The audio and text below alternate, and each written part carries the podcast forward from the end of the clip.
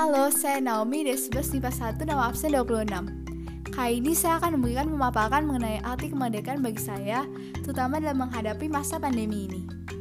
Seperti yang kita ketahui, pada tanggal 17 Agustus 2021, bangsa Indonesia memperingati 76 tahun kemerdekaannya. 76 tahun yang lalu, pada 17 Agustus 1945, para pendahulu bangsa kita mendeklarasikan kemerdekaan Indonesia – kemerdekaan yang akhirnya dapat dicapai setelah beratus-ratus tahun berjuang melawan penjajah. Sebelum merdeka, bangsa Indonesia harus melawan penjajah dengan kekuatan fisik. Ini berarti mereka harus mengangkat senjata dan berperang melawan pihak asing yang ingin menguasai tanah air tercinta. Dulu, merdeka berarti terlepas dari penjajah dan bangsa lain yang hendak menguasai Indonesia. Namun, saya merasa bahwa kata merdeka sekarang telah memiliki arti yang berbeda. Kata merdeka kini lebih mengarah mengenai bagaimana bangsa Indonesia dapat mengisi kemerdekaan dengan hal-hal yang positif serta mempertahankan dan membela bangsa dari ancaman yang ada di masa kini. Salah satu ancaman itu adalah pandemi COVID-19 yang sedang melanda bukan hanya Indonesia, namun juga seluruh dunia. Di bulan Agustus, di mana bangsa Indonesia akan memperingati kemerdekaannya, tentunya saya dan rakyat Indonesia lainnya bisa merasakan semangat kemerdekaan, atau yang kita katakan semangat 45.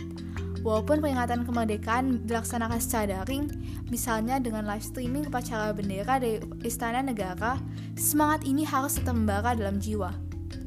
Mungkin kita tidak bisa upacara bendera bersama seperti dulu, atau berpartisipasi dalam lomba-lomba seperti balap karung, makan kerupuk, dan masih banyak lagi. Tapi kemerdekaan ini bisa tetap bermakna bagi kita. Seperti yang telah saya katakan bahwa merdeka saat ini lebih berkaitan dengan bagaimana mengisi kemerdekaan dengan hal-hal yang positif. Ada banyak hal yang dapat kita lakukan di rumah saja. Misalnya mencoba hal-hal baru. Jangan sampai pembatasan yang ada membuat semangat kita meredup. Untuk saya sendiri, saya berusaha untuk mengembangkan hobi saya pada waktu luang di rumah. Hal positif lain yang dapat kita lakukan adalah membantu sesama untuk meringankan beban mereka. Dari saya sendiri, bantuan yang saya lakukan adalah dengan mengumpulkan barang-barang yang tidak terpakai di rumah dan mendonasikannya kepada orang yang lain membutuhkannya.